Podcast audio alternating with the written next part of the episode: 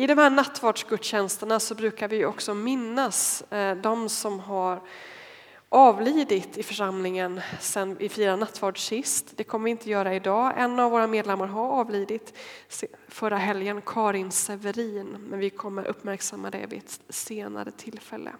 Så vet ni det. Om två veckor är det ju Kristi himmelfärd. Då har vi ingen gudstjänst här, det är ju på en torsdag.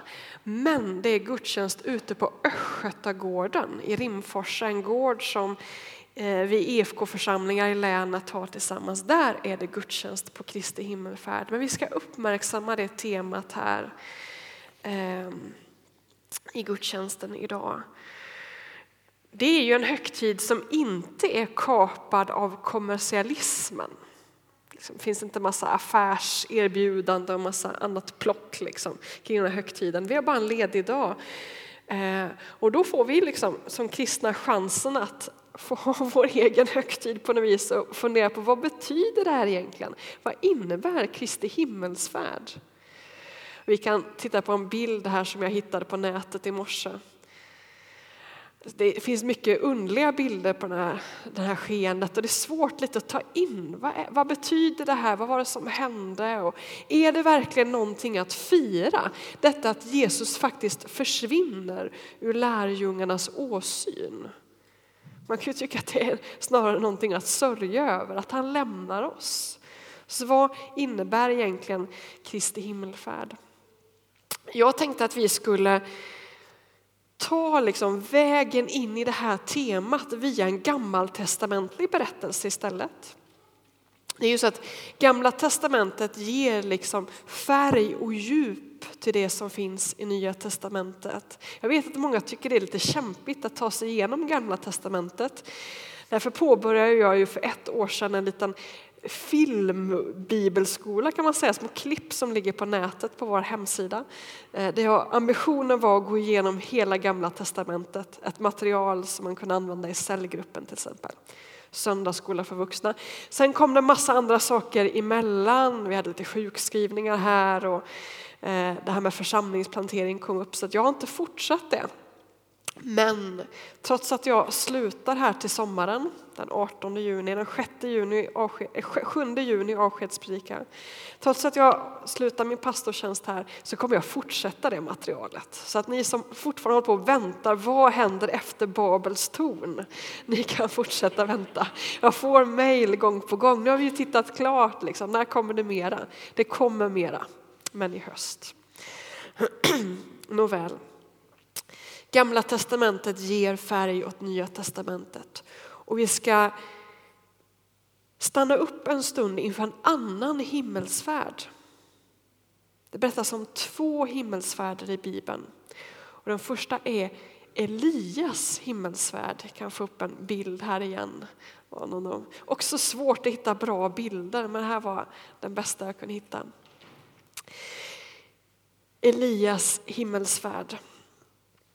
Eh, och du hittar den berättelsen i Andra Kungaboken kapitel 2, ni som vill följa med i Bibeln. Jag, vi kommer inte läsa den berättelsen, den är ganska lång, men jag kommer berätta den och så får du gå hem och läsa sen och kolla så att jag fick alla detaljerna rätt. Elias himmelsfärd. Elia var en av de första större profeterna. Alltså en man som fick Eh, var en slags omvändelsepredikant i landet Israel och han fick också vara med om att utföra flera mirakel. Eh, han var väldigt lik Johannes döparen som vi sen möter i Nya Testamentet, både till utseendet och till hans liksom sätt att förkunna och tala. Och därför var det många som trodde att när Johannes döparen kommer att, kom att det där måste ju vara Elia. Och det är för att Elia aldrig dog. Han blev upptagen till himlen. Eh, och så fanns den här tanken om att Elia en dag skulle komma tillbaka. Och man trodde att Johannes döparen var det. Elia hade en lärjunge som hette Eli, Elisha eller Elisa, hette han i den gamla översättningen. Och Elisa får veta att Gud nu kommer ta hem Elia. De har gått följts åt i flera år och Elisa har fått lära sig av Elia. Och nu får Elisha av Gud veta att Elia kommer tas upp till himlen. Men de pratar inte om detta. Elia och hans lärjunge. Elia säger att jag ska gå till den och den staden och du behöver inte följa med mig. Men Elisa säger, jag vill följa med. Liksom. Och Elia säger okej okay då. Och så kommer de till staden och där möter de i den här staden ett gäng andra profeter. Det fanns tydligen väldigt mycket profeter men ingen var så här känd som Elia. Och då, kommer ut, de här profeterna kommer ut och börjar prata med Elisha och säger Vet du om att nu kommer Gud ta upp Elia till himlen? Det verkar som att Gud har avslöjat det för varenda profet i hela landet. Och de pratar om detta och Elisa säger, ja jag vet det men, men ehm, du får inte säga någonting. Och så fortsätter den här promenaden till tre olika städer. Och samma sak händer. Ehm, och sen går Elia ut i öknen och då har de ett gäng profeter, 50 profeter som smyger lite på avstånd. För de vill se vad som händer men de vågar liksom inte eh, visa att de är där. Men Elia och Elisha går där liksom, jämsides och pratar med varandra och så kommer de till floden Jordan. Och då tar Elia av sig sin mantel och så slår han med manteln över floden och så öppnar sig en väg och så går de torrskodda över. Och då smyger de här profeterna, de här 50 profeterna fram och hinner inte över för vattnet liksom sluter sig. Så de blir kvar där på andra sidan. Och så går Elia och hans lärjunge vidare ut i öknen.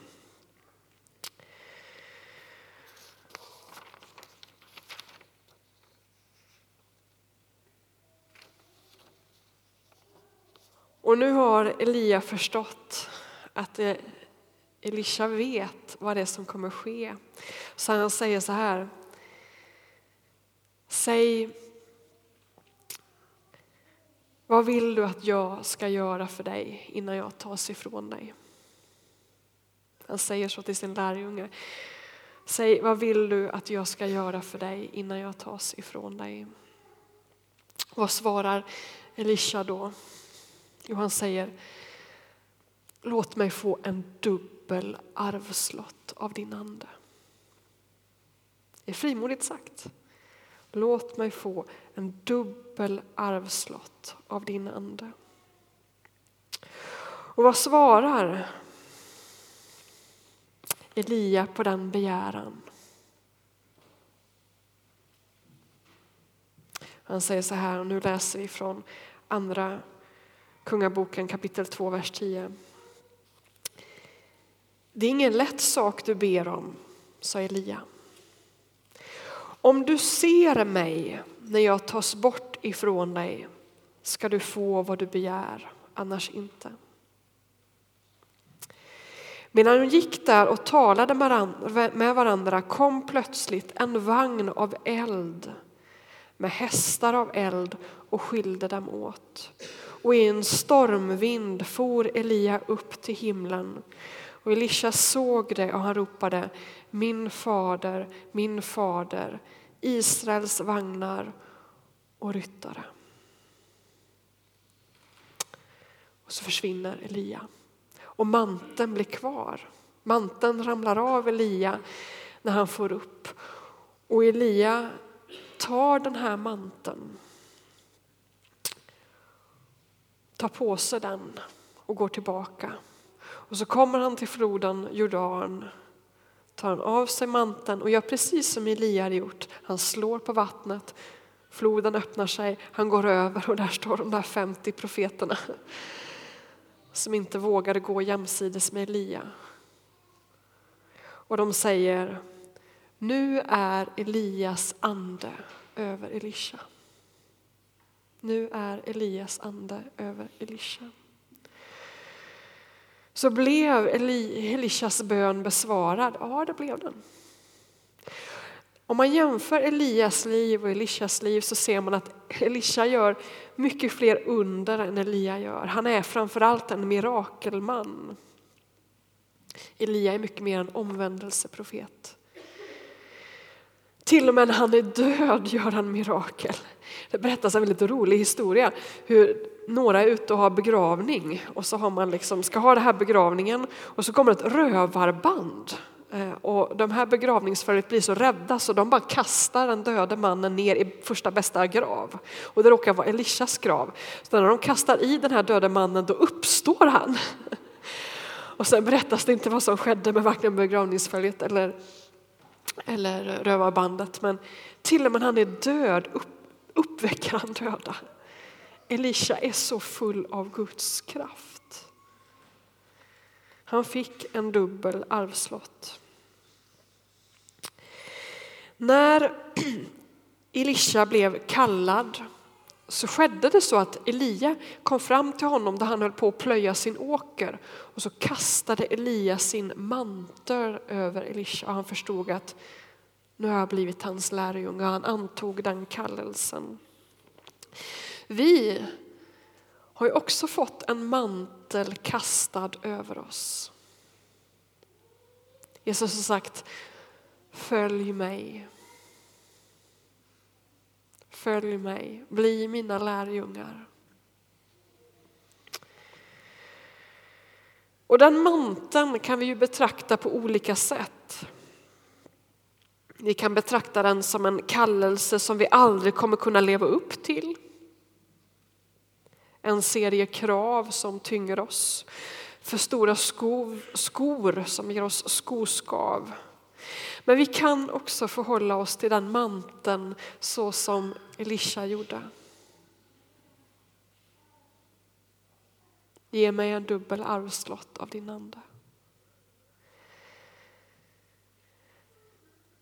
Jag har fått mig att tänka på ett ord i Jesu avskedstal. Om man vill försöka förstå Kristi himmelsfärd, vad det betyder teologiskt, vad det gör för skillnad i våra liv, då ska man gå till avskedstalet som Jesus håller i Johannes evangeliet kapitel 14 till 17. Där försöker Jesus förklara fördelarna med att han kommer tas upp till himlen. Och då har jag tänkt på det här ordet från kapitel 14, vi ska läsa det, vers 12. Sannerligen, jag säger er, den som tror på mig, han ska utföra gärningar som jag och ännu större. Ty jag går till Fadern. Där har vi detta, himmelsfärden. Jag går till Fadern. Och vad ni än ber om i mitt namn, det ska jag göra så att Fadern blir förhärligad genom Sonen. Och om ni ber om något i mitt namn, då ska jag göra det. Så vågar vi säga till Jesus detta. Ge mig en dubbel arvslott av din ande. Elia hade sagt till sin lärjunge att han skulle få den bönen besvarad om, det fanns ett villkor, om du ser mig när jag stiger upp så ska du få vad du ber. Vi tar den här bilden igen. Om du ser mig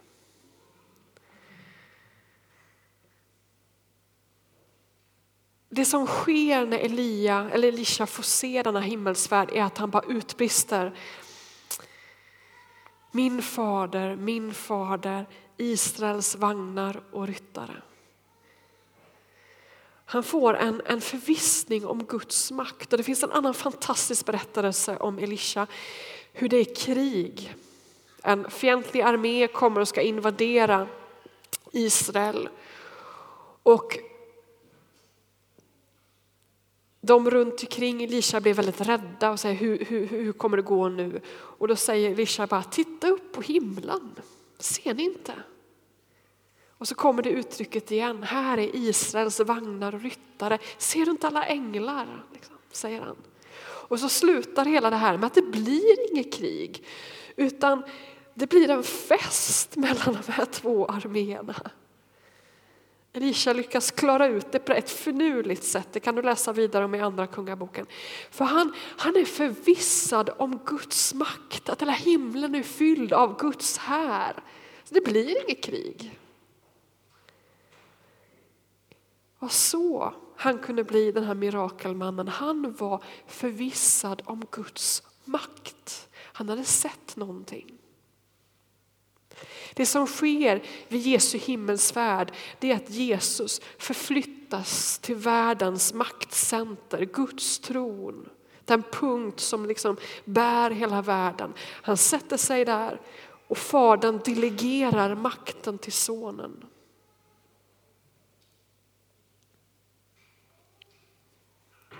Jesus har nu all makt. Ser vi det? Tror vi det? Jesus uttrycker sig så i Johannes evangeliet. Alltså den som tror. Den som förstår att Jesus är nu lyft. Han har makt. Det handlar inte om mig, det handlar om Gud. Det handlar om Jesus. Han har makt. Och så kan vi göra större gärningar än Jesus. Om vi går i den tron. Man kan fråga sig hur det är möjligt att göra större gärningar än Jesus. Jo men tänk så här. Vi har makt att förändra situationen i Nepal. Det hade inte Jesus när han gick här med sina tolv medarbetare.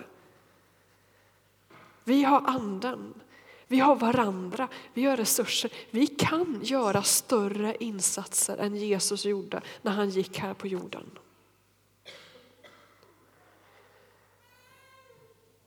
Vi kan gå igenom större prövningar. Visst, det var en enorm lidandesvandring men den var koncentrerad till ett dygn.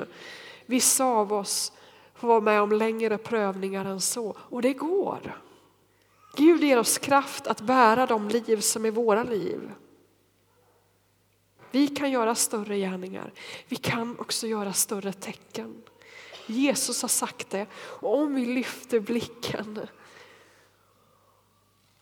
och kommer till tro på denna verklighet att Jesus nu sitter på Faderns högra sida så kan vi göra det. Om vi ser att det signaler, signal, signalerar, jag kan inte säga det, det, det ramlar ner en mantel så vi får ta emot oss, som är anden. Jesus säger det, jag stiger upp till Fadern för att jag ska kunna sända anden. Vi har fått en mantel kastad över våra liv. Det är hans kallelse, det är orden följ mig, men det är också denna kraft. Det finns i Paulus brev också detta att vi får ikläda oss Kristus. Vi får ikläda oss den nya människan. Vi förmår ingenting i egen kraft men vi får ta på oss kraften, ta på oss Kristus. Vi har en mantel.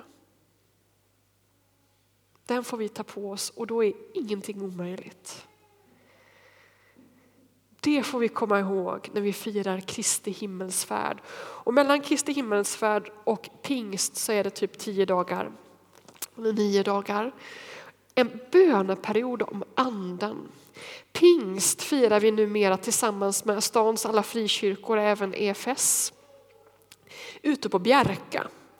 Så då är det ingen gudstjänst här på pingstdagen utan det är gudstjänst ute på Bjärka Eh, och ni får se till så att ni skjutsar varandra så att alla har möjlighet att komma ut dit. Det kommer vara barnmöte också för barnen. Det kommer vara tårtbuffé. Vi firar kyrkans födelsedag. Och om du tänker att ah, är det ingen gudstjänst i Ryttargårdskyrkan så går jag väl någon annanstans. Ja, men det finns nästan ingenstans man kan fira gudstjänst här för alla är ute på Bjärka. Första gången vi hade den här konferensen så gjorde vi en andaktsbok som sträcker sig mellan Kristi himmelsfärd och pingst som handlar om denna mantel, denna kraft. Och tog du ingen sån andaktsbok så har vi några över. Jag håller på att städa mitt kontor nu. Så hittar jag de här. Så jag ställer dem här. Så får man ta en sån om man vill sen. Och tränga in i det här temat. Gud har kraft och vi får ta på oss den manteln.